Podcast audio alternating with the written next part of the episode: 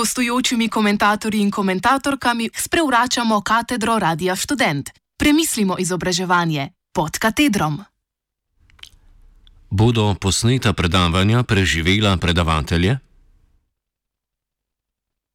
Ta problem že dolgo poznajo v Združenih državah Amerike, kjer že dolgo poznajo um, univerze, ki so celo v celoti dopisne oziroma online. Pri nas so se, se ta vprašanja pojavila bolj množično šele zdaj ob epidemiji. Če pa problem avtorstva razumemo nekoliko širše, so se kako zanimivo začela ta vprašanja pojavljati že ob bolonski reformi. In sicer ob pisanju novih študijskih programov. Ne pojasnim.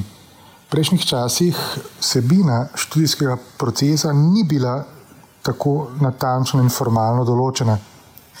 Šele bolonska reforma je postavila v ospredje koncept predmeta, kot je to v osnovni in srednji šoli. V ozadju tega je tudi ideja, ki je tradicionalni univerzi izrazito sovražna, da je namreč eh, posredovanje znanja nek enostaven, tako kot instant proces. To pomeni, da boš v nekem obrazcu, ki se imenuje študijski uh, učni načrt, predvidel, katera znanja oziroma še reči kompetence boš kot učitelj neposredno prenesel na učence. Vse je usmerjeno v to, da se um, študentsko populacijo čim prej usposobi za čisto določen poklic. To pa ne pomeni samo paca um, univerze v nek pedagoški model, ki je tudi na nižjih ravneh izobraževanja že zdavnaj presežen, ampak je globoko skregano tudi življenjsko resničnostjo, med drugim tudi na trgu dela. Poklicne karijere so danes še dalje bolj fluidne. Odgovor na to pa ne more biti še bolj specializiran v poklic usmerjen študij, ki se obnaša, kot da smo še vedno v letu 1900 kakšno zvezo ima to z avtorstvom in s položajem um, univerzitetnega učitelja?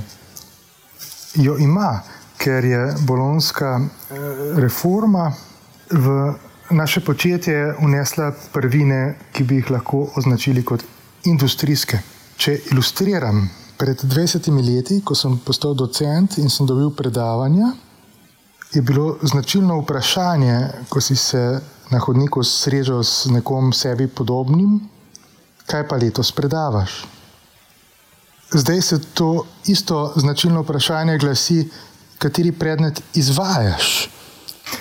Prej si bil kot akademski človek avtonomen, si si upet v neko birokratsko strukturo, ki jo predstavlja učni načrt, študijski program, sistem samoevalvacij in evalvacij. V tem smislu je naše delo dobilo industrijske poteze in iz tega izhajajo vsa ta tveganja. Univerza sicer, si sicer ne more prilastiti posnetih eh, predavanj, razen če bi seveda posameznik z njo podpisal pogodbo, s katero bi te pravice na univerzo prepustil. Je pa še nekaj univerza, ki temelji na frontalnih oblikah pouka, je že zdavnaj pred epidemijo začela postajati neaktualna. Tudi zaradi interneta, tudi zato, ker nam je dostopno praktično vse, bo morala univerza, če ne ostane smiselna, dati prednost interaktivnim oblikam študija pred tistimi frontalnimi. Tu pa je argument za študij v živo in ne za dopisni virtualni študij. To, da bi univerza svojega izvajalca, kot se zdaj imenuje, uporabila in na to zavrgla, je v tem pogledu lahko tudi brezpredmetno. Še posebno, če so predavanja povprečna. Na YouTubu je marsikaj, imamo tudi ruske portale. Kljub temu sem pa prepričan, da so tudi frontalna predavanja, če so dobra, nekaj popolnoma nedomesljivega. Intelektualne skupnosti ni brez neposrednega medosebnega odnosa. In za relativno obrobne kulturne skupnosti, kot je ta naša slovenska, je to tem bolj pomembno. Komentar za današnjo oddajo pod katedrom je podal Marko Marinčič.